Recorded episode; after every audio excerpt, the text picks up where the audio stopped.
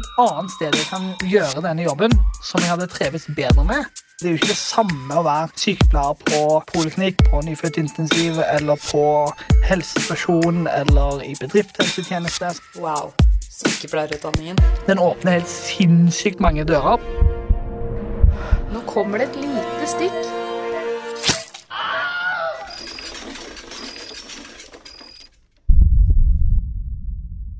Kjære alle sammen, velkommen så mye til sesongens siste episode av Hjelp, jeg er sykepleier.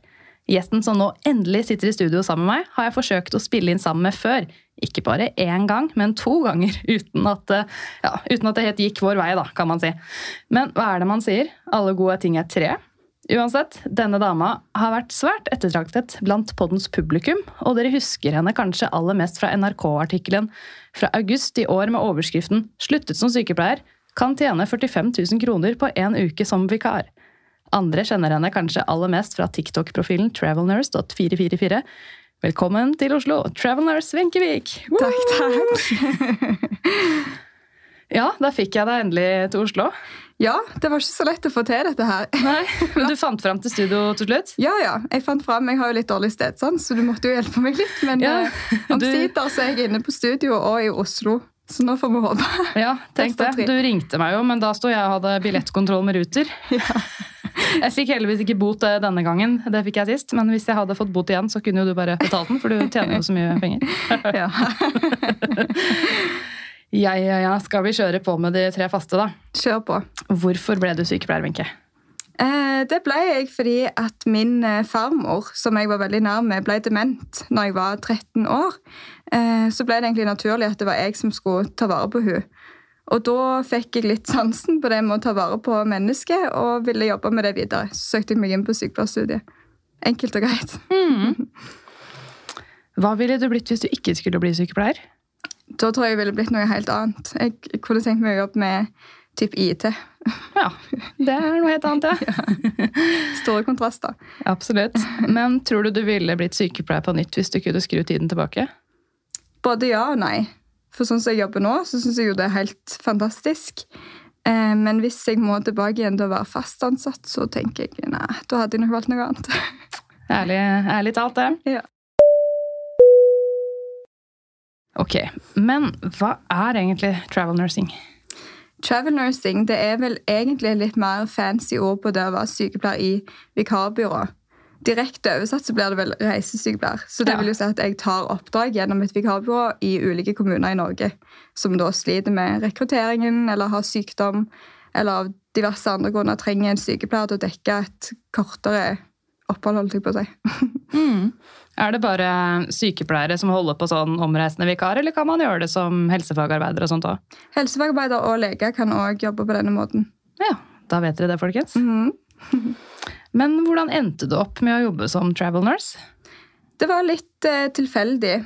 Eh, jeg hadde vel kanskje litt eh, følehånda ute holdt jeg på å si, og, og jakta etter noe nytt, fordi jeg kjente at jeg var veldig sliten av å gå som fast ansatt og var på randen til å bli utbrent og tenkte egentlig at jeg måtte finne meg et annet yrke. Eh, men så flytta jeg til Stockholm og hadde liksom ennå litt håp om at jeg kanskje skulle finne noe som passet meg i helsevesenet, for jeg elsket jo egentlig jobben min, men jeg syntes det var for høyt arbeidspress, og jeg sprang liksom veldig mye, og gikk veldig mye med dårlig samvittighet. Eh, så når jeg flyttet til Stockholm, så ble det naturlig at jeg eh, fant andre muligheter jeg kunne jobbe i Norge på. Så søkte jeg meg inn til et vikarbyrå, og så endte jeg opp her jeg er nå. Hvor var det du jobba hen når du holdt på å bli utbrent? Hva slags type sted? Liksom? Eh, det var vel egentlig akuttmottaket. Mm. Eller det var blanding av observasjonspost og akuttmottak, men selve arbeidsplassen var helt fantastisk, og jeg vil egentlig ikke si noe negativt om de. Nei. Eh, men arbeidsbelastningen var, kunne være til tider ganske høy. Og det her var under korona òg, var det ikke? Så da var jo alle litt knebla. Stemmer det. Mm. Hvor lenge hadde du vært sykepleier da du slutta? Eh, et år bare. Ja, mm. Men vet du, jeg må bare si at det første året som sykepleier det er ekstra tøft. Ja. Uansett hvor man jobber. Så det er mange som bare holdt på å si revurderer hele livet etter, etter, det første året. Ja, det er veldig mange nye inntrykk. Ja, det er kjempemasse nye inntrykk, og så har man på en måte bare vært student hele tiden, og plutselig så er alvoret i gang. Du skal Mm. redde liv, du skal kunne ting, du skal gjøre medikamentregning, du skal kanskje gjøre HLR. Jeg håper jo at man slipper å gjøre det ever, fordi da er det en person som holder på å dø. Men Mm. det er mye, og så har man liksom ja, nye inntrykk, og så har man så mye å bevise òg, da. Så ny at eh, ja, jeg er ny, men dette skal jeg klare. Ja. ja, man vil jo gjerne ikke være en belastning for de andre på avdelingen, så du vil jo gjerne klare deg best mulig sjøl. Men eh, det er mye ansvar å, gå som nyutdanna eh, på en sånn arbeidsplass. Men jeg hadde jo òg jobba i helsevesenet. Jeg har i helsevesenet i totalt ti år. Og har jo kjent at belastningen har vært høy jevnt over, men at det ble jo forsterka under pandemien, selvsagt. Ja, Så akuttmottak er jo ganske heftig sted å starte. Ja, læringskurven var jo bratt da. Det har det jo. Så om ikke annet så kanskje du lærte mye. Ja, det gjorde jeg. Og veldig kjekke kollegaer. Og har ingenting vondt å si om arbeidsplassen i det hele tatt. Det er nok mer eh, kanskje meg som enkeltperson det står på, faktisk. Nei, men du er ikke den eneste som har slutta i det offentlige fordi man blir for sliten. Jeg snakka med ei senest i dag som hadde jobba på en type sengepost. da, Så begynte de å kutte ned på stillinger og sånt. Og det var ikke så mange sykepleiere per pasient. Det var sykepleier, og så var det resten kanskje hjelpepleiere. Og det er ikke noe vondt å si om de, men når man er aleine ansvar med medisiner og mye annet, så blir det mye. Så hun slutta faktisk på sengepost og gikk over til akuttmottak for å chille mer der. Det høres jo veldig absurd ut, men da var de på en måte flere sykepleiere, så da slapp hun å ha liksom alt hovedansvaret. Ja, det er sant. Ja. Men eh, hvordan fant du ut at man kunne jobbe på den måten som du gjør nå? Jeg hadde møtt litt vikarer rundt forbi og hørt om, eh, om folk som jobba i vikarbyrå. Men jeg har alltid liksom, liksom tenkt at det, det må jo være for godt til å være sant. Eh, så så googla jeg egentlig bare når jeg flytta til Stockholm, da, så googla jeg vikarbyrå sykepleier. Og tok det første og beste som kom opp. Og sikkert de som har betalt best for å være høyest oppe på Google Det kan hende. søkemotoren. Så søkte jeg bare der. Så jeg hadde liksom bare hørt litt rundt og googla meg fram. Mm. Kjente du noen som jobba i det stedet du jobber, jobber i nå? Nei. Nei. Ja, det var flaks, da. Ja. Å google og finne et sted hvor man, eh, hvor man trives. Ja, det var heldige der. Ja. Men hva fikk deg til å flytte til Sverige? Eh, Samboeren min er svensk og skulle begynne å studere til politi. Mhm. Du flyttet for kjærligheten. Gjorde det, vet du. Ja, det, er, eh, det skjer med mange, si. Ja. Men kan du si litt om hvordan jobben din er organisert? Liksom, hvor tidlig får du vite om oppdrag, og får du opplæring? og ja, Fortell. Eh, ja, altså det er jo egentlig veldig uforutsigbart. Eh, Sånn som nå, da. Nå har jeg jo en måneds juleferie. Eh, og vet at neste oppdraget mitt det begynner 2. januar. Og det har jeg ønska meg sjøl, og jeg tror kanskje at jeg får litt sånn fortrinn i dette vikarbyrået mitt, i og med at jeg har jobba med de lenge, og de vet hva De kan gå for meg, på en måte. Men eh, noen ganger kan det være sånn at du, du går av et oppdrag, og så har du ingen aning om hvor og når det neste skal bli. Så sitter du egentlig Du sitter ikke helt på vent heller, fordi sånn så jeg vil jo ha fri mellom mine oppdrag. Det er derfor jeg vil jobbe på denne måten. Men eh, det kan være ei uke før, to uker før. Det spørs litt hvor akutt behovet er, egentlig. Blir du ringt da, når det plutselig dukker opp da? Eller får du mail? Eh, jeg får meldinger, for de, de vet jo hva jeg vil jobbe med, de på vikarbyrået. Og så finner de liksom behov som er i landet, da. eh, Og prøver å matche det med det jeg har sagt at jeg vil jobbe med. Så sender de melding når de har noe. Så kan jeg velge å takke ja eller nei, da. Så det er alltid jeg som har siste ordet. Ja, så greit da, at du har noe du skulle sagt. Ja. Men hvordan var det i starten da, når du ikke liksom ante hvor du ville jobbe, og hvor de bra stedene var? Jeg var kjempenervøs, og det har jo tatt et år før jeg har snakka om hvordan det er å jobbe i vikarbyrå, fordi jeg kunne egentlig ikke ennå helt fatte at dette her faktisk kunne være sant, at en kunne ha det så greit som dette som sykepleier. Eh, og I starten så var jeg skikkelig nervøs, og første oppdrag jeg skulle ut på, det var i Bergen. Og skulle jobbe med som bofellesskap for psykisk utviklingshemma. Jeg hadde aldri jobba med det før, så jeg var jo nervøs både fordi det var ny plass, nye folk, og alt var helt nytt. Så det var skummelt. Det var et stort steg å ta, kjentes det ut som. Hvordan ble du tatt imot av de andre på avdelinga? Kjempebra. De var veldig glade bare for at noen skulle komme og hjelpe dem. Jeg var veldig redd for det, hvordan de kom til å møte meg, men eh, de var veldig imøtekommende, og jeg fikk god opplæring. Og de hadde stor forståelse for at jeg var ny på arbeidsplassen, og jeg fikk liksom god tid på å finne meg til rette. Ja, for det var det neste jeg skulle spørre deg om. Får du alltid opplæring der du skal jobbe? Ja, jeg har alltid krav på minst tre dager.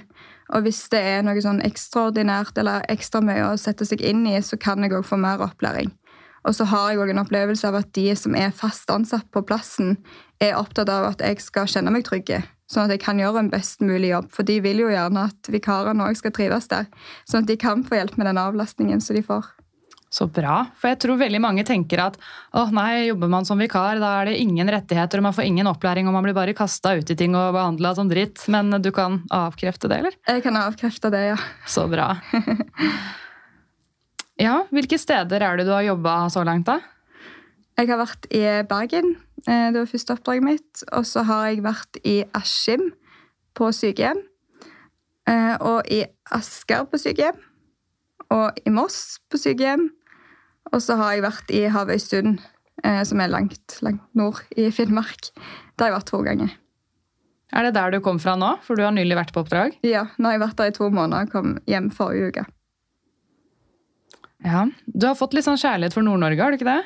Jo, det var egentlig veldig overraskende. For det, jeg var veldig skeptisk før jeg skulle på det oppdraget. Det bor 800 folk i Havøysund.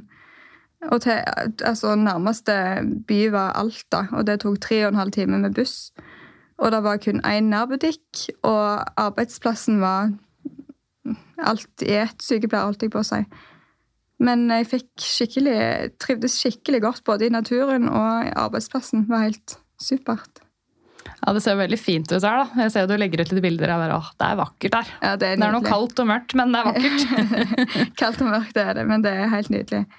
men du har sett nordlys? Ja, Wow, det er, det er magisk. ja. Jeg har aldri sett eh, nordlys sånn in real life. Jeg har bare sett bilder på Instagram, men en gang vil jeg også oppleve nordlys. Ja, Det er så mye finere i virkeligheten òg, for det danser liksom på himmelen. Wow. Ja, Det må du få med deg. Du får bli travel nurse. Ja, jeg har det i bakhodet. Hvis jeg blir singel, eller hvis jeg får sparken på urologisk av en eller annen grunn, så skal jeg prøve travel nursing. Ja, det anbefales. Skal det litt til å få sparken i Norge, da. Ja, det skal jo det. Det skal godt gjøres, egentlig. Ja, Det er ikke helt sånn amerikanske tilstander hvor man på dagen bare kan høre 'you're fired'. Men jeg har deg i bakhodet i alle fall hvis du får sparken. Men da må du ha gjort noe ganske Ja, galt. Ja, Vil vikarbyrået ta imot meg da? Fikk sparken fra urologisk. Det håper jeg jo kanskje ikke. Uff, nei, jeg skal prøve å oppføre meg. Jeg har oppført meg så langt i helsevesenet. Så. Should oxygen be needed, a mask will drop from the compartment located above your seat. Pull the mask out of the clip. Then pull the mask to your face, placing it over your nose and mouth and securing it with the elastic band. Even though oxygen is flowing, the plastic bag may not appear to inflate. If you are sitting with someone needing assistance, put your mask on first and then offer assistance. Ja. Eh, Hvor bor du når du er ute og jobber? Eh, vikarbyrået de dekker bolig. Så som regel så er det en egen leilighet. Eller leilighetshotell eller hotell. Litt etter hvor akutt oppdraget er.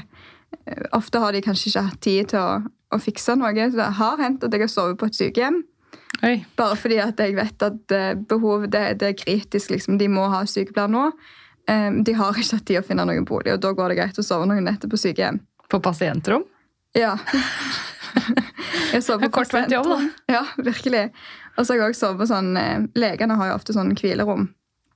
Så jeg har sovet på pasientrom og legehvilerom. med legen? Ja, det hadde vært en annen historie. Ja, det kan man si.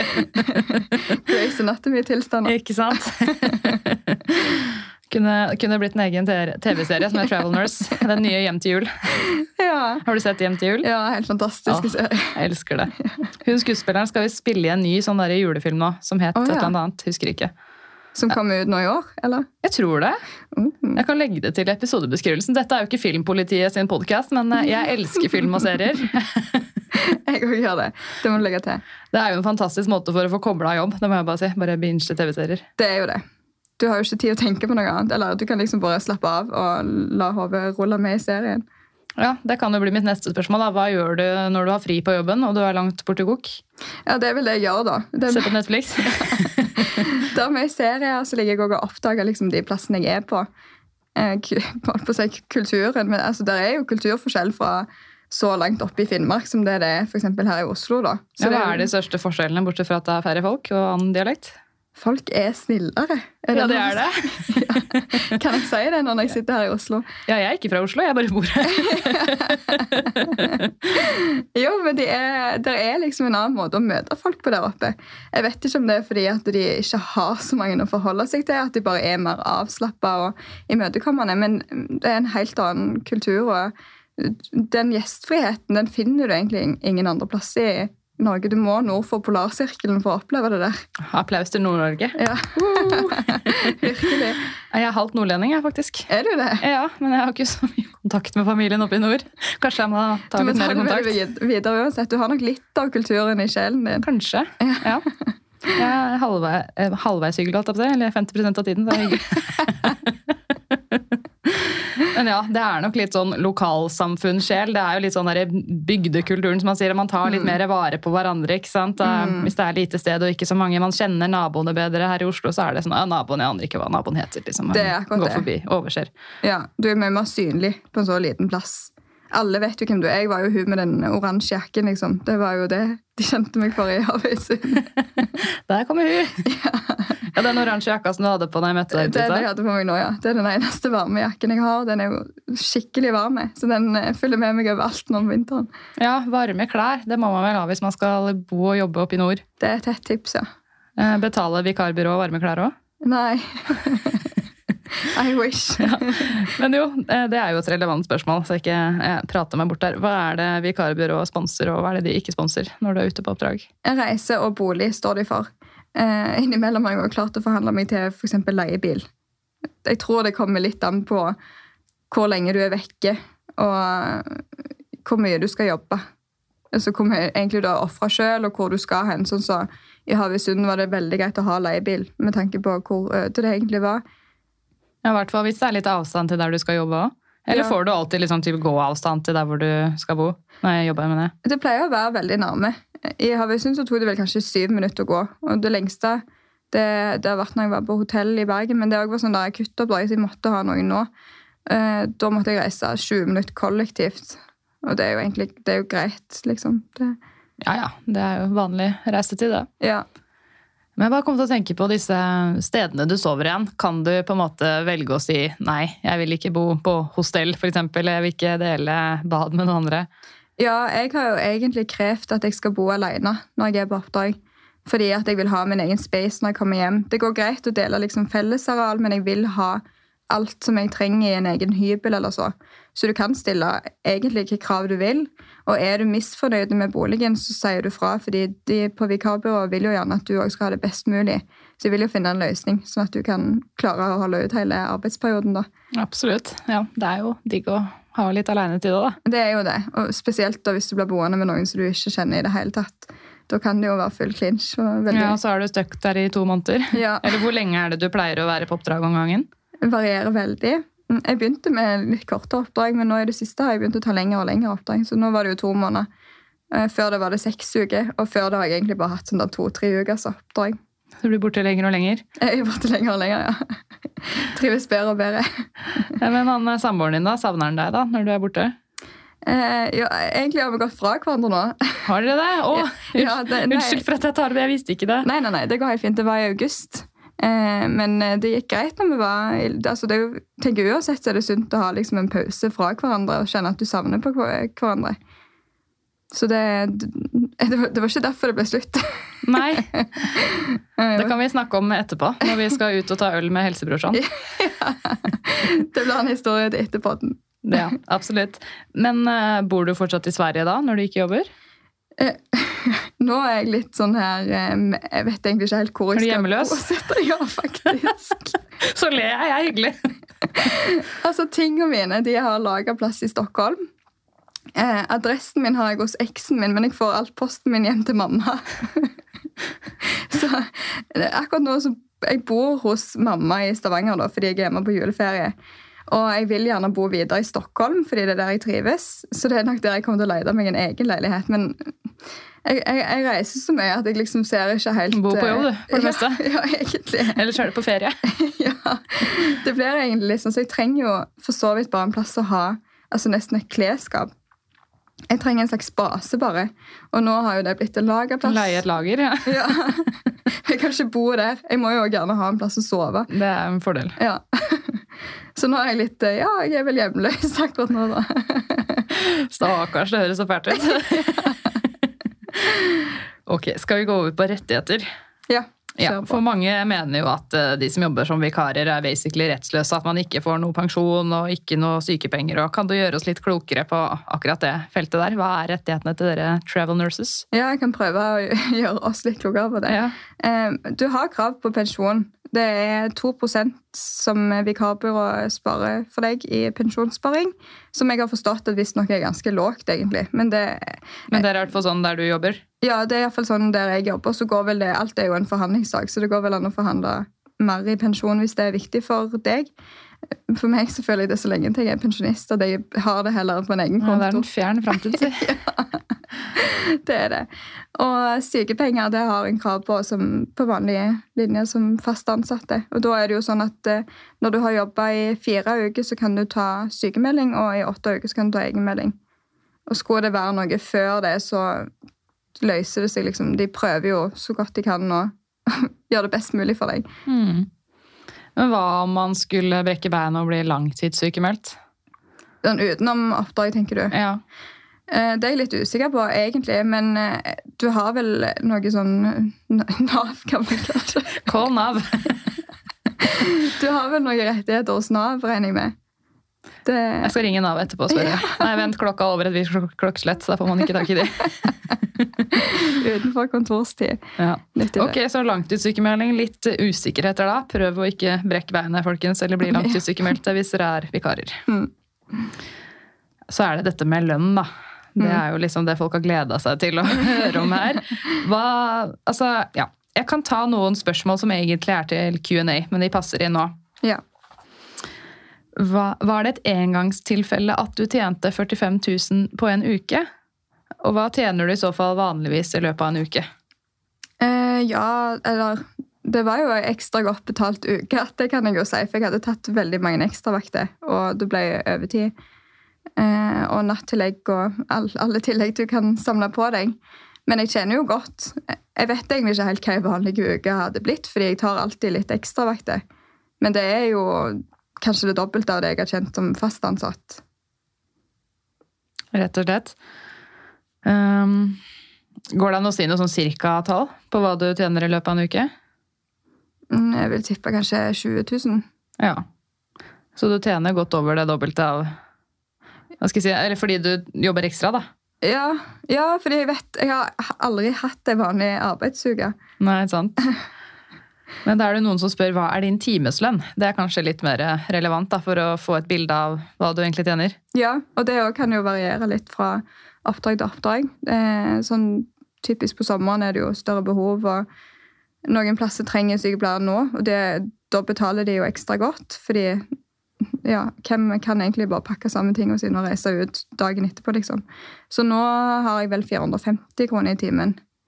Men jeg har forstått det sånn at vikarbyrået de opererer med feriepengene bakt inn i den timelønnen. Noe jeg egentlig ikke helt forstår. Ja, for det var det neste spørsmålet. Forklar gjerne lønnsslippen din med tanke på hvor mye som trekkes til feriepenger osv. Ja, jeg er jo ekstremt dårlig på sånn her med lønnsslipp. Jeg pleier å få hjelp av mamma til å lese min lønnsslipp, liksom, for det skulle jeg hatt en egen utdanning i det. Men eh, det er innbakt i timelønna mi, så de 450 kronene i timen, det er liksom inkludert feriepenger. Ja, Så det blir trukket fra de, så det er ikke 450 et reell? Nei, på en måte. Hvor mange nei. prosent er det som blir trukket til ferie? da? 12. Så jeg tror det blir sånn 408 kroner eller noe i timen etter feriepenger. Ja, Det er fortsatt mer enn det jeg tjener, kan man si. Men er det sånn at eh, når du får tilbud om et oppdrag, at du kan forhandle deg til eh, timeslønnen din der og da, sånn da skal jeg ha så og så mye betalt, eller er det liksom en fast eh, sats? Nei da, det er jo mye større rom for forhandling når du jobber i vikarbyrå. Det blir jo typisk diskutert før hvert eh, oppdrag. Og så vet jo jeg at de har vært fornøyde med meg tidligere, og da er det jo klart at det er mer rom for meg å forhandle. Da slipper de liksom det der med at de er usikre på hvem de sender ut, og de vet ikke helt om den personen kommer til å gjøre en god jobb. Så da står jo jeg i en grei posisjon til å si at eh, du, du fikk jeg fikk jo veldig bra tilbakemelding der forrige oppdrag. Kanskje vi skulle ha sett litt på timelønna mi igjen. Vil dere ha kvalitet, så må dere betale for det, si. Ja. Ja. Men hvem er det du forhandler lønna med? Gjør du det med liksom lederen der, eller tar du det med vikarbyrået? Det er med vikarbyrået. Jeg har en konsultsjef i vikarbyrået som er min kontaktperson, som, eh, som jeg forholder meg til egentlig hele veien. Ja, så da tar de på en måte kampen for deg, eller hva jeg skal si, med lederen? Eller hvem det nå skulle være som må si ja eller nei? Ja, Det er vel konsultsjefen egentlig som, som har siste ordet i min timelønn. Ja, så greit da at du slipper å liksom ta det med avdelinga hvor du skal jobbe. Ja, jeg tror egentlig ikke de vet hva jeg tjener. Eller nå er jeg veldig åpen om hva jeg tjener, da. Så alle, alle vet vel hva jeg Du tjener. vet at dette blir ikke billig. Da kommer hun der Wenche Vik, hun er så dyr. Det er sikkert noen som blir sur for at vi sitter og ler av det. Bare, Dere kan ikke kødde om sånne sårbare institusjoner rundt omkring, men det er bedre å le enn å gråte, er det ikke det man sier? Jo, ja, jeg tenker det. Det er jo ikke meg som enkeltperson som skal stå ansvarlig for hvordan, hvordan det har blitt. tenker jeg. Det, det er sykepleiers marked som eh, forbundsleder i NSF, så. Ja, og nå er vi jo inne på dette med medieoppmerksomhet og jantelov og sånt. Mm. Hva slags oppmerksomhet er det du har fått i media, eh, i kommentarfelter og generelt meldinger og sånt, etter at du var ute med den NRK-artikkelen om hvor mye du kunne tjene? Eh, Det har vært litt splitta. Jeg har vært veldig for dette her med å være transparent om hva en tjener. Eh, og har jo kjørt, kjørt reise fullt ut der, jeg. Så det var jo forventa at det skulle komme litt ulike reaksjoner. Men jeg vil si at det var faktisk mer positivt enn jeg hadde forventa. Og så er det jo noen som er enten sjalu eller litt bitre eller mener at jeg misbruker et system, sånn som du var litt inne på. Ja. Jeg har faktisk eh, printa ut noen kommentarer fra Facebook-kommentarfeltet. Får jeg lov til å lese det, ja? Absolutt. Kjør på. Dette er jo da fra NRK sitt kommentarfelt på den eh, artikkelen med overskriften. Hva var det igjen? Sluttet som sykepleier, kan tjene 45 000 kroner på en uke som vikar. Ja. Det er noen som skriver. Kvalmt! En urimelig høy lønn! Utropstegn. Så sier noen Hvorfor er det en urimelig høy lønn? Hun er jo egentlig bare smart. Og så kommer det Her er det lønna som er viktigst, ikke sykepleierkallet. Og da, vet du, da starter diskusjonen her. Selvfølgelig er lønnen viktig, er derfor man jobber. Dette er ikke et kall, det er en profesjon. Hvor mange snakker om ingeniørkallet eller legekallet? Det er en lang og krevende utdanning med mye ansvar. På tide at vi fjerner kallet og løfter profesjonen. Kun på den måten kan man få arbeidsvilkår og en lønn å leve av. Og så den siste her, den er litt lenger. Blir altså så provosert av dette kallet som så mange snakker om. Jeg har faktisk jobbet med Wenche. En fantastisk grei og omsorgsfull dame som tok seg godt av det jeg jobbet med. Selvfølgelig er lønn, og ikke minst helse, viktig. Det går da pokker an å tenke på seg selv samtidig som man har omsorg for andre. Jeg er så yeah, pip, pip, pip, lei av dette kallet folk snakker om. Skal det være lavtlønnet fordi man liker å vise omsorg og ta seg av andre mennesker? Når man jobber i det offentlige som helsearbeider, kan du gjøre en så god eller så ræva jobb du vil, men alle får betalt det samme, etter samme stigen, utdanning og ansiennitet. Fantastisk at det er noen som har funnet en annen mulighet til å få betalt for jobben du gjør. Heia Wenche. Er Der, du får jo litt backup her òg, da. Selv om Ja. noen syns det er kvalmt og urimelig og u- uffa meg igjen. Ja, det vekker jo et eller annet inni folk.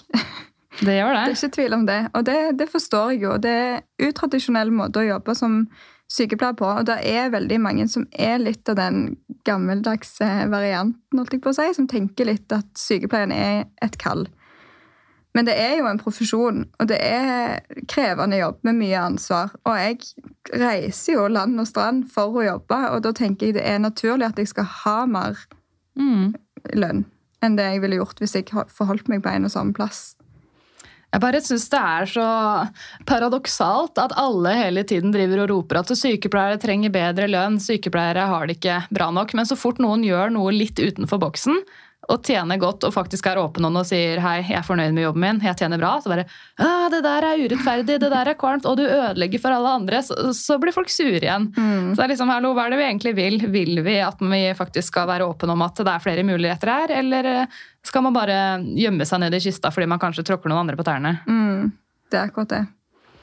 Ja, jeg har noen kommentarer fra NSF-lederen her òg. Ja, Skal jeg bare kjøre på? kjør på Det det. er jo da ikke fra kommentarfeltet, men fra den NRK-artikkelen. Det er liksom under overskriften her 'Helt avhengig av vikarene'. Forbundsleder i Norsk Sykepleierforbund, Lill Sverresdatter Larsen, sier at hun kan forstå at sykepleiere velger å bli omreisende vikarer, både med tanke på lønn og fleksibiliteten man får. Norske helsetjenester har gjort seg helt avhengig av vikarene. Vi har ikke nok sykepleiere i Norge, vi mangler omtrent 7000 sykepleiere. For helsetjenestene koster det omtrent det dobbelte å ansette en vikar fra et vikarbyrå som en fast ansatt. Sverresdatter Larsen understreker at det er sykepleiernes marked, og at det ikke er deres ansvar å sikre de offentlige helsetjenestene. Men samtidig er det en fare for at hvis det blir en utarming av de offentlige helsetjenestene, da betyr det at helsetjenestene kan bli dyrere for folk generelt. Ja, så det er en liten, en liten hake her. Mm. Men ja, hvem er dette sitt ansvar, da? Det er jo ikke oss eh, sykepleiere. Vårt ansvar er å utøve sykepleie til pasientene. Altså, det er jo Ja, jeg hiver ballen til politikerne, jeg. Ja, jeg tenker også det. Og, altså for meg var jo alternativet å slutte som sykepleier. og Da hadde de jo mangla ennå en sykepleier i Norge. Ikke sant? Så det er jo litt veier for og imot, tenker jeg. Det er en vanskelig diskusjon, men jeg tenker at det ligger ikke på oss som enkeltpersoner. Og hvis det er det som, som utgjør om du velger å fortsette å være sykepleier, eller om du finner deg noe helt annet, så da må det jo være verdt det. Vi trenger alle vi kan ha. Absolutt. Og så sier jo Sverresdatter Larsen her at eh, helsevesenet har gjort seg avhengig av vikarer. De har jo gjort det selv. Og hvordan har de gjort seg så avhengig av vikarer? Jo, folk slutter ikke sant, i det offentlige. Og hvorfor slutter folk? Nei, blant annet fordi det er for høy belastning, turnusen er ille, og lønna er ikke tilstrekkelig nok. Det er ikke nok lønn for det arbeidet man gjør. Da. Det er noe som går igjen. De kan jo prøve å fikse det, men de gjør jo ikke det. De Nei. fortsetter jo i samme duren, og de kutter ned på stillinger og skal effektivisere. Selvfølgelig slutter folk da og går over til noe som er bedre. Det skulle jo filleren meg bare mangle. Ja, Det har jo vært meldt og varsla om i mange år. Ja. Og dette her med vikarbyrå det er jo ikke heller akkurat nytt. Det er jo en mye eldre business enn det jeg er. holdt jeg på å si. Det bare har kommet litt mer i vinden nå. Ja, Blant men, annet fordi at jeg snakker ekstremt høyt om det. yes, da er vi inne på sosiale medier. TikTok-stjerna. Jeg likte ikke det ordet, sorry. Ja, men får du mye hva skal jeg si, ja? oppmerksomhet på TikTok? Er det mange som liksom lurer på hvordan man kan bli travel nurse og Ja. Ja, folk har jo ikke helt visst at dette var en mulighet. Så det, det virker egentlig som at jeg har åpna øynene litt for, for folk. At det fins alternative måter å jobbe på som sykepleier. Og mange som har vært i samme situasjon som det jeg var i, som er på randen til å slutte. Og til og med også, eh, folk som egentlig er pensjonert fra arbeidslivet, som ikke får lov å jobbe lenger i det offentlige. Som har søkt seg inn i vikarbyrå for de kjenner at de har enda mer å gi. Så det er jo liksom mange grupper som kanskje passer bedre i et vikarbyrå enn som vi gjør i det offentlige. da. Mm. Så er det hele tiden sånn her snakk om hva som er liksom etisk og uetisk og sånt. Men det er jo liksom, ja, så fort man gjør noe litt utenfor boksen, som kosmetiske sykepleiere, de også får ganske mye pepper og bare å, vi trenger dere egentlig til pasienter, så går dere og gjør sånn teit arbeid hvor man eh, får betalt for at folk skal ha dårlig selvbilde. Jeg bare, oi, det er litt av noen ting å høre om. Jeg skal lage en episode om kosmetisk sykepleier òg, faktisk. Ja, spennende. Ja.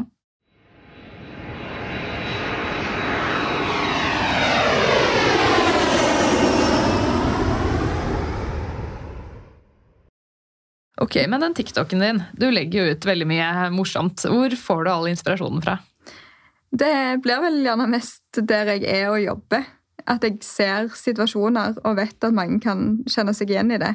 Så jeg prøver jo å spille litt på dette her med, med humor da, blant helsepersonell. Men så har jeg jo òg hatt en del om, spesielt i starten da jeg begynte på TikTok, om hva jeg tjente og, og sånn her, da, rett og slett for å skape litt reaksjoner og få folk til å bli bevisst på denne her muligheten. For det tror jeg ikke folk er helt eh, vant med, liksom. At noen stikker hodet fram og sier hei, jeg, har, jeg er sykepleier, men jeg tjener godt med penger for det. Nei, og, Folk ble jo et mindlaw. Bare hæ? Nå går hele verden rundt! Dette er ikke vanlig! Nei, og det, det satt jo litt langt inne òg, men jeg har alltid tenkt at det er viktig å være transparent om lønn. Og det, oss arbeidstakere vi tjener egentlig ingenting på å hysje det ned. Så, så for meg så var det liksom naturlig del av når jeg skulle snakke om hvorfor jeg valgte å bli travel nurse, så er jo klart at lønna spilte jo en rolle i det. Det kunne jo ikke ligge og holde det hemmelig når det var en så stor del av grunnen til jeg valgte å gå inn i dette yrket.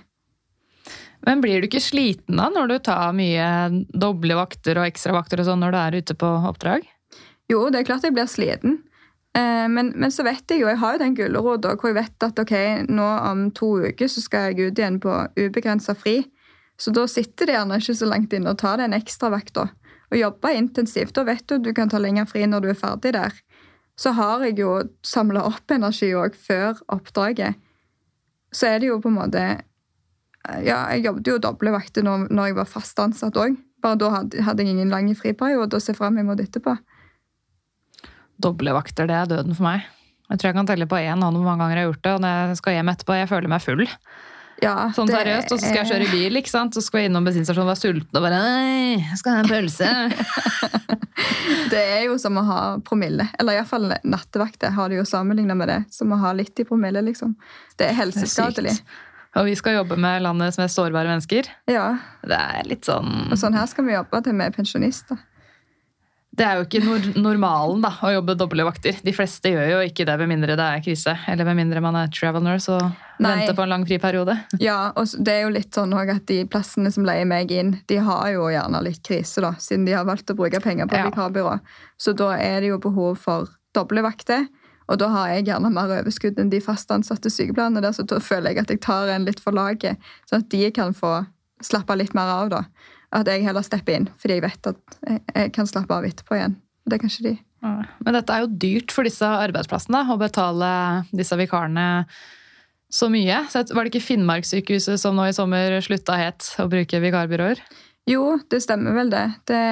Det er klart det er jo dyrt, men folk kommer jo til å trenge vikarer uansett. Jeg tenker De som er fast ansatte, må jo òg ha lov til å bli syke. Eller de skal jo òg ta ut ferien sin, liksom. Så har du jo de småplassene som f.eks. Havøysund, som sliter med å rekruttere. De har veldig mye fraflyttere, kanskje. Og da trenger du vikarer for å få det til å gå rundt. All kudos til de finnmarkssykehuset hvis de klarer seg uten vikarbyrå. Jeg tror de hadde tenkt å lage noe eget. litt sånn som OS har jo den personalformidlingen. Der er det liksom OS sine egne vikarer, eh, som ikke er så dyre, da. Ja, det, det er jo en mulighet. Men tenker folk som vil jobbe som vikarer, du gjør jo en, du offrer jo liksom ganske mye. Så du vil jo gjerne ha litt igjen for det. Men hva gjør du da hvis alle steder kutter ut vikarbyråer? Det kan jeg ikke helt se for meg at kommer til å skje. Så det er egentlig et scenario jeg ikke har gått gjennom. Men jeg er jo uansett sykepleier i bånn. Jeg ser jo ikke helt for meg at jeg vil tilbake til en fast ansettelse. Samtidig så er det jo Jeg trives jo veldig godt i dette her yrket. Så det blir jo veldig dumt hvis jeg føler meg tvungen til å slutte igjen. Fordi jeg vet at jeg ikke kommer til å orke å jobbe som fast ansatt. Jeg er pensjonist. Det, kom, det, kommer, det kommer ikke til å gå for min del, liksom. Med mindre det offentlige helsevesenet skjerper seg da, og øker bemanningen og gir bedre lønn og lengre ferier. Ja, Det, det er kanskje litt sånn der drømme, litt sånn utopi? Ja, ja, det virker litt som det. Jeg hørte ei som sa at eh, NSF har lovt eh, liksom gull og grønne skoger nå i 50 år, sagt det samme. Ingen endring har skjedd. NSF prøver jo da, men så er det de der andre partene som skal si ja eller nei, som eh, driver og strammer inn hele tiden. Ja, Det virker bare som det er så mange ledd det må gjennom før noe faktisk kan skje. At Jeg tror at det i så fall er etter min yrkeskarriere er slutt før det faktisk skjer en endring. Uff, Jeg har jo prøvd å sette meg litt inn i det. Altså, det er jo ikke lett å forstå seg på verken politikere eller eh, helseøkonomi, for den saks skyld. Men Nei. politikerne sier jo ofte sånn, Hvis det er snakk om spesialisthelsetjenesten, nei, det er helseforetakene sitt ansvar. Og så sier helseforetakene nei, det er fagforeningene og partene, partene i arbeidslivet, da. Og så diskuterer de, og så kommer de ikke videre, for de sier at nei, potten er tom, sorry, vi kan ikke gi noe mer. Eh, og sånn går det, da. Så er det streik, og så blir det tvungen lønnsnemnd, og så er man tilbake til start. Ja, Så er det en sånn evig runddans, da. ja, det er akkurat det. Det er veldig sånn ansvarsfraskrivelse og egentlig ingen som vet helt hvem som skal ta den siste avgjørelsen, virker det som. Det skjedde jo med lærerne nå, tvungen Ja. lønnsnemnd, så det virker sånn. Altså, jeg har til gode med å se at noen kommer skikkelig fram med streik. Jo, bussjåførene, de gikk jo faktisk litt opp i lønn. Oh, ja. Men uh, sykepleiere, da, det har jeg til gode å se. Ja, vi får jo liksom aldri streika helt skikkelig heller før det blir tvungen lønnsnemnd, så du sier. Så det er jo vanskelig Jeg vet ikke hvordan vi skal sende sterkere signal enn det, det vi allerede gjør, liksom. Men Noen sier jo sånn at alle sykepleiere må slutte på dagen, men det er sånn, ja, men hvilken jobb skal man gå til da? Man har jo regninger å betale, i hvert fall nå i disse dyre dager. Ja, og så er man jo også gjerne litt samvittighetsmenneske når man jobber i dette yrket som man gjør i. Så det sitter jo ekstremt langt inne, for du vet jo hva du slipper fra deg da, hvis du bare skal slutte på dagen. Ja, jeg er litt sånn hva skulle jeg gjort da? Det, er, det har jo blitt en del av min identitet å være sykepleier. Mm. Eh, Jeg har jo denne podkasten, men jeg tjener jo ikke noe penger på det. Nei. Jeg har faktisk gått ned i stilling jeg, fra 100 til 90% for å få mer tid til podkast som jeg ikke tjener på. Det er jo Men eh, du får bare podde hver dag, da. Snakke, snakke, snakke, snakke helt til du tjener litt penger på det. ja, Hvis noen vil betale for å høre på meg prate, så er det bare å vippse litt. 24-timerspodden med Helene. Å, herregud, stakkars folk. Ikke høl i hodet på dem. Ja, skal vi se hva klokka har blitt, da. Å, herregud, vi har bare studio et kvarter til, vet du, så blir kasta ut. Oi. Skal vi begynne på Q&A? Ja. Ja, Få snakke fort. ja, Den pleier ikke å kaste meg ut. Den pleier å sitte litt på overtid fordi jeg skal lage pod. ja. De gjør det. Ja. Ja da. Så ser det blitt sliten ut etterpå. Bare, at det går bra, Helene. ok. Har du blitt kjent med andre travel nurses? Det virker ensomt å ikke ha faste kolleger. Ja. Eh, det var egentlig ganske ensomt i starten. For da var jeg jo helt sjøl og kjente ingen andre som drev med dette. Men så starta jeg ei Facebook-gruppe etter jeg hadde begynt med TikTok og så at interessen var stor for dette, som heter Travel Nurse Norge. Så der føler jo jeg at jeg har fått uh, min kollegagruppe. da. Og møtte faktisk ei av eh, disse sykepleierne som jeg har snakka med der inne, møtte jeg nå i Havøysund. Helt tilfeldig på, på oppdraget der oppe i Finnmark, så det var jo veldig gøy. Er det hun som heter Omreisende sykepleier? Ja. Ja, det begynte begynt å følge meg. Ja, ja, ja, det er hun. Så det var kjempekoselig. Ja, men Det er fint at det er mulig å bygge nettverk når man jobber på denne måten òg. Ja, for man står jo litt på egne føtter, og du kjenner jo ingen der du kommer, så du, du føler deg ofte litt, litt alene. Der er jo alltid folk som er der, selvsagt, men du har jo ikke den kollegagruppen og støtten som det du har når du er fast ansatt. Det var litt derfor jeg ville ha en sånn Facebook-gruppe som vi kunne spørre hverandre om alt og støtte hverandre. og Det kjennes ut som mine kollegaer. liksom. Det er de jeg spør om hvis det er noe jeg tenker på. Mm. Har det blitt en del medlemmer i den gruppa nå, eller? Ja.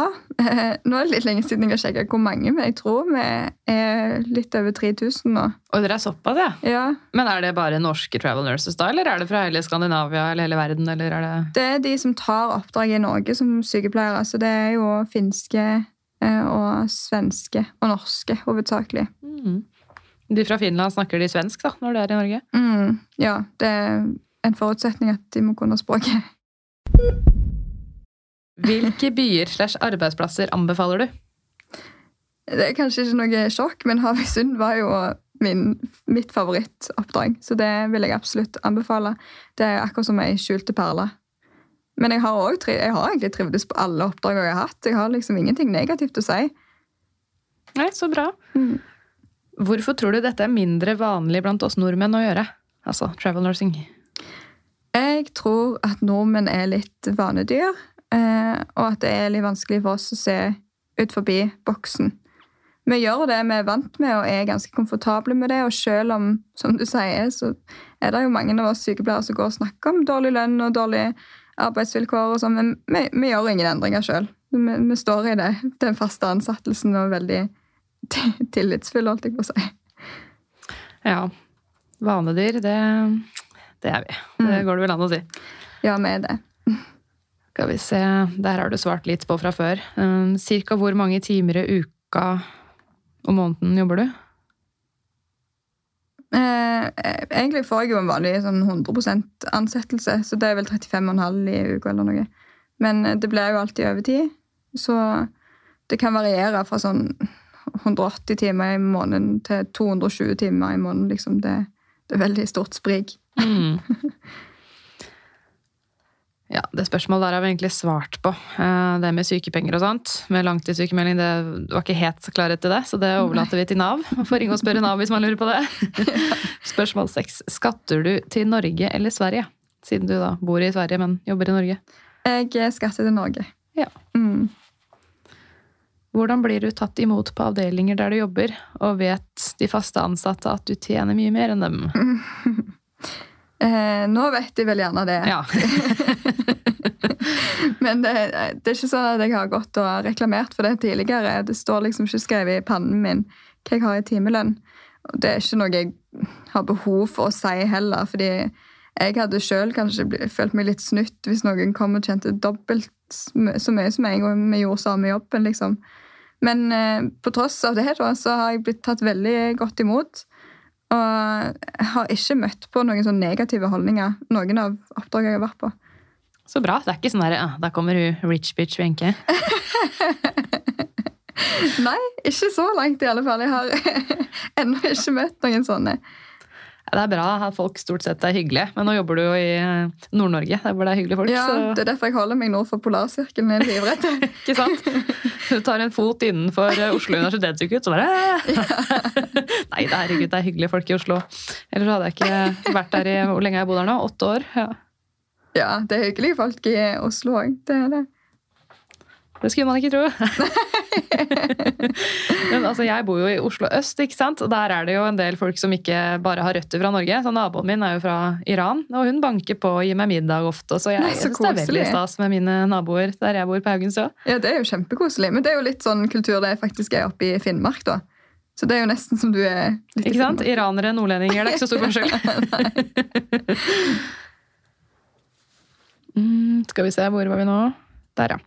Kan man jobbe i nærheten av der man bor, eller må man ut og reise langt vekk for å få oppdrag? Eh, Det kan du nok absolutt. De trenger jo vikarer stort sett i hele Norge. Så så lenge du gjør litt research og snakker med litt ulike vikarbyråer, finner ut av hvor de har oppdrag, sånn typisk eh, Mange vikarbyråer har jo sånn opphandla Er det det det heter? Jeg vet ikke. avtaler, i alle fall i storbyene. Så det går jo an å snakke med vikarbyråene og sjekke om de har oppdrag i nærheten av der du bor, men da må du kanskje stille kravene dine litt lavere, da. I og med at Grunnen til at jeg kan kreve litt mer, det er jo fordi at jeg er veldig fleksibel og tar alt, egentlig. Du ofrer deg litt. Man ofrer seg ikke så mye hvis man skal gå liksom 100 meter bort til det nærmeste sykehjemmet rundt der du bor. Nei, det er akkurat det. Så jeg ofrer jo ganske mye. Og ja. Jeg tror jo egentlig at det kanskje er lettest hvis en er litt fleksibel og ikke vil ta liksom i nabolaget, men jeg tror absolutt at det finnes mulighet for å finne en løsning på det. Det er ikke noe sånn grense, nei, det må være så og så langt unna, ellers så får du ikke oppdrag, liksom. Nei, nei, det er ingen regler på det. Nei, så bra. Mm, er det ofte travelt på avdelingene der du jobber på? Jeg regner med det er mye underbemanning der, siden avdelingene bruker vikarbyråer.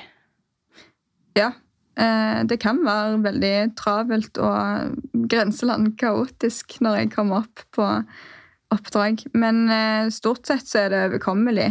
Og ofte så har jo jeg blitt leid inn pga. at det er sykepleiermangel. Og da blir det jo fort mye sykepleierprosedyrer jeg holder på med. Mm. Ikke sånn, I og med at jeg har vært mye på sykehjem, og sånn, så går jeg en del på topp. da.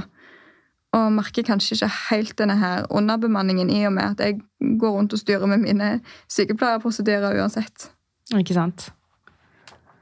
Ja, det spørsmålet her er litt interessant. Hvordan velge vikarbyrå, og hvordan luke ut useriøse firmaer? For det har jo vært en del snakk om useriøse firmaer. Ja. Ja. ja du kan jo svare på det nest først. da. Hvordan velge vikarbyrå? Eh, kanskje ikke gjøre sånn som jeg gjorde, og ta det første som kommer opp på Google, for det er jo egentlig ganske dum idé. ta det første og beste. Men gjør litt research og snakk med folk som har jobba i vikarbyrå tidligere. Mm, Den Facebook-gruppa den er gull verdt. Der snakker folk om både gode og dårlige erfaringer de har med ulike vikarbyråer. Hva var det den gruppa het igjen? Travelers Norge. Travelers Norge, folkens. Det er bare å melde seg inn der hvis man eh, er nysgjerrig. Mm. Hva var det andre? Var det, Ja, var det Hvordan luke ut useriøse firmaer? Altså, Hva er et useriøst firma, egentlig? Eh, Jeg har hørt om eh, andre som forteller sine erfaringer med vikarbyrå, som kanskje holder igjen kveldstillegg, eller som er useriøse og lover ting som de ikke klarer å holde. Du har, ja, Det er kanskje litt lettere å bli lurt i et vikarbyrå enn det det er som fast ansatt. Så det fins jo de som vil tjene mest mulig, vikarbyråene. Og da er det jo litt vanskelig å vite. Men en håper jo gjerne Det har vært mye i avisene om vikarbyrå som har lurt og tatt, tatt overtidspengene fra sykepleierne og, og sånne her greier. Og da slår jo Hva heter det? Altså Alarmen? Jeg klarer ikke å finne helt det ordet jeg vil ha, men det blir jo på en måte oppdaga, og de må slutte da med Ja, for jeg lurer på de, de som holder på sånn, da, de byråene som liksom stjeler ja, pengene til sine ansatte. Er de bare dumme liksom, og vet ikke hva de driver med fordi de kan ikke der, eller gjør de det her bevisst? Det lurer jeg òg på. Det er jo reguleringer. Det skal jo liksom være regulert hvordan en får drive vikarbyrå. Men eh, tydeligvis så har de jo kommet unna med det, i og med at de har klart å ta en del penger òg fra sykepleierne som jobber hardt og natt og ubekvemme tider, liksom, så skal de Så et tips kan jo kanskje være å lære seg lønnsslippen, da. Ja. ikke bare gå til mamma, men Eller ha en mamma som er en jækel for lønnsslippet. Ikke sant? Eh, Keep your mommy close if she knows the lønnsslipp. Nei, det er nok mange som hadde trengt et kurs i å forstå sånne sykepleierlønnsslipper, fordi de er ganske lange. Ja. Og, altså til og med banken. Jeg, jo, jeg var i banken en gang for å prøve å få lån sammen med venninna mi den gangen vi var single og ville bo sammen. De bare 'Å, dere er sykepleiere, ja, de lønnsslippene der, ja'. Uff, til og med bankansatte bare 'herregud'. Men det er veldig vanskelig. Det er veldig mange rare ord og Mm. liksom benevnelser på vakter og overtid. Nei, jeg forstår ingenting av det der. Det kan være lurt å sette seg inn i det, hvert fall hvis man skal jobbe i vikarbyrå for første gang. Og Ja. liksom sjekke opp rettighetene sine og kanskje konfrontere folk. da. Ja. Altså De som jobber der hvis man har blitt lovt en viss pengesum, og så har halvparten blitt trukket for å gå over til vikarbyrå. For ja. ting er timelønn, men hvor mye går til deg, og hvor mye går til byrået? på en måte. Det er greit å spørre om sånne ting på forhånd, kanskje. Mm. Ja, nå, nå vet jeg ikke om, om vikarbyråene egentlig går ut med det til, til de som skal jobbe for dem, men de har jo òg en del de må dekke i sånne sosiale kostnader, så det er jo klart at de må jo få sin, sin andel for å kunne betale ut lønn til sine ansatte igjen, som bruker tid på logistikken og finner oppdrag og sosiale kostnader med tanke på reise og bolig til meg, da, som er sykepleieren. Men de skal jo fremdeles ikke ta Hvis noen hadde tatt min hardtarbeida overtid i egen lomme, jeg hadde blitt fly forbanna. Ja, selvfølgelig, De må jo ha lønn, de òg, fordi de har jo en jobb av en grunn, som alle oss andre. Men hvis jeg tar liksom sånn 80% av min lønn, da Bye, Bye, Da kan en jo diskutere litt om det er, hvor etisk det er, egentlig. Ja, Så kanskje stille litt krav, da. Ja, Ja. absolutt. Og sjekke litt rundt. Jeg tror egentlig det er mindre useriøst nå, etter, etter det har begynt å snakkes mer om i, i Norge. At det blir luka litt mer vekk når folk begynner å advare hverandre og snakke mer åpent om dette her. Mm. Ja, det er jo en eh, cancel-kultur. På godt og en, eh, vondt. Ja, det er det. Det er skummelt å snakke i disse dager. Ja, det er det. Det kommer og biter deg i rumpa før du vet ordet av det. Herregud, jeg driver podkast. Jeg må virkelig passe på hva jeg sier. Det gjør jeg ikke alltid. Jeg bare snakker, jeg. Nei, men sånn skal det jo være, tenker jeg. Ja, altså Man må jo ikke ta en podkast så høytidelig. Eller jeg vil jo gjerne at folk skal ta meg seriøst og min podkast, men det er på en måte Jeg sitter ikke her og leser opp stortingsmeldinger. på en måte. Nei. Noen ganger gjør jeg det, da, men da sier jeg det først. Ja. Ja. Jeg leste opp en stortingsmelding i episoden med Helsebrorsan da vi snakka om eh, Samhandlingsreformen. Å ja, jo. Ja, altså, litt sånn der eh, politikk Jeg er innimellom. jeg la ikke merke til det. Nei, Det er jo et veldig tørt tema, da, Samhandlingsreformen. Men sammen med Helsebrorsan så syns jeg vi fikk laget en litt mer juicy episode ut av det enn det det kunne vært. Ja. Ok, da er vi på spørsmål 11 her. Syns du det er en forutsigbar jobb med tanke på arbeidsplasser og bosted? Nei. Nei? Det er jo veldig uforutsigbart, men det er jo det jeg liker med det. At jeg ikke vet helt hvor jeg skal på oppdrag neste gang, og står helt fritt til å velge sjøl. Vet ikke hvor lenge jeg skal ha fri. Men det er aldri sånn at jeg tenker oi, nå, nå står jeg uten jobb her og uten inntekt og hjelp. Ja, for har det vært økonomiske utrygge situasjoner Nei. for deg? Nei. Nei? Kort og konsist. Nei, men det har jo ikke det. Det er jo behov i hele Norge hele veien. Det er klart behovet er størst på sommeren, men vi trenger sykepleiere året rundt. Og det som har vært mitt problem, har egentlig vært å si nei til oppdrag, fordi jeg får veldig mange spennende oppdrag på melding som jeg vil si ja til, men tenker nå må jeg ha fri. Mm. Ja, nå må jeg ikke bli utbrent i denne jobben. Nei. Vil du anbefale jobben som travel nurse til andre? Ja, virkelig. Jeg stortrives jo. Men jeg ser jo at det er ikke er en måte alle kan jobbe på, da. Nei. Det er, hvem er det det ikke passer for, tror du? det er kanskje ikke så lett for en enslig forsørger å pakke i hop alle tingene sine og flytte til andre siden av Norge og jobbe der i to måneder, kan jeg se for meg. Nei, den sitter nok litt langt unna. Ja. Langt inne. Det blir dyrt å ha barnevakt i to måneder. Du må jo være i en litt spesiell livssituasjon hvor du kan være egoistisk nok til å bare reise fra alt. Men så må du jo òg være sjølsikker. Eh, og vite liksom hva kompetanse du har. Og du må, ja, du må være veldig sikker både på deg sjøl som person, men òg på deg sjøl som helsepersonell. Ja, Er det noe krav til kompetanse, altså annet enn autorisasjon? Eh, Noen vikarbyrå har krav til at du skal jobbe to år som fast ansatt før du begynner i vikarbyrå. Mens andre ser an personen litt, så er det jo lurt at du har erfaring med det du skal ta oppdrag i. da. Sånn som jeg som tar mest på sykehjem, har jo jobba en del på sykehjem tidligere. Ja, det har vel ja, litt å si hvor man skal jobbe. Sånn, skal du jobbe på nyfødt intensiv, så kan du ikke ikke ha erfaring fra nyfødt intensiv og bare hva skal jeg si, dulpe inn der. Det er akkurat det. Og så kan jo òg arbeidsplassene kan jo velge å takke nei til deg, for de får jo presentert deg før du kommer på oppdrag der. Hvis, hvis, jeg da med kun erfaring fra geriatri plutselig vil jobbe på nyfødt intensiv, så kan det jo være at alarmbjellene går litt hos de. Bare, det bør det, for å si det sånn. Hun der er vant med å jobbe i helt andre enden, liksom. Bare sånn, nei, de bruker jo bleie begge to, jeg er bare litt mindre person. same, same. Nei, hvis man eh, vil lære mer om nyfødt intensiv, folkens, så har jeg en episode om det òg. Ja da, det blir episoder om, om eh, så mye her. Ja. Hvilket vikarbyrå jobber du i? Jeg jobber i Work Norway, og det er der jeg egentlig har jobba alltid. siden jeg begynte som dette. Work Norway, folkens. Det er bare å google. Ja. Kan man bo fast i Norge mens man jobber som travel nurse i Norge? Eller må man bo i Sverige, som er liksom vikarlandet?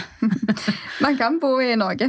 Du kan bo egentlig hvor du vil. Eh, det er bare jeg som nå bodde i Sverige, da, siden jeg jo flytta etter eksen min. Men eh, det går absolutt an å bo i Norge òg. Det er ingen sånn krav på at du må være bosatt i Stockholm for å få lov å jobbe i Norge. Det hadde jo vært litt bakvendt, egentlig. Ja, det hadde det.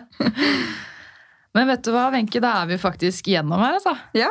Så må vi komme oss ut og få oss eh, en matbit og et par kalde Nei, et par kalde halle, er det det man sier? Kalde et par halle. kalde halle.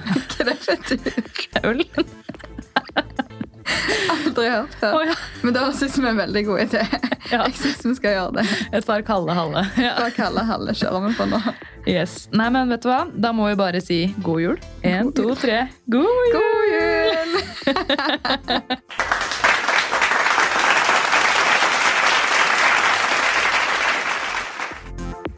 Takk for at du hørte på Hjelp, jeg er sykepleier. Hvis du likte episoden, blir jeg veldig glad hvis du vil anbefale den videre til en venn, kollega eller andre du tror kan få glede av podkasten. Hvis du vil gi meg tips, tilbakemeldinger eller komme med ønsker for podkasten, så kan du enkelt sende meg en DM på Instagram. Der heter jeg Hjelp, jeg er sykepleier, med understrek mellom hvert ord.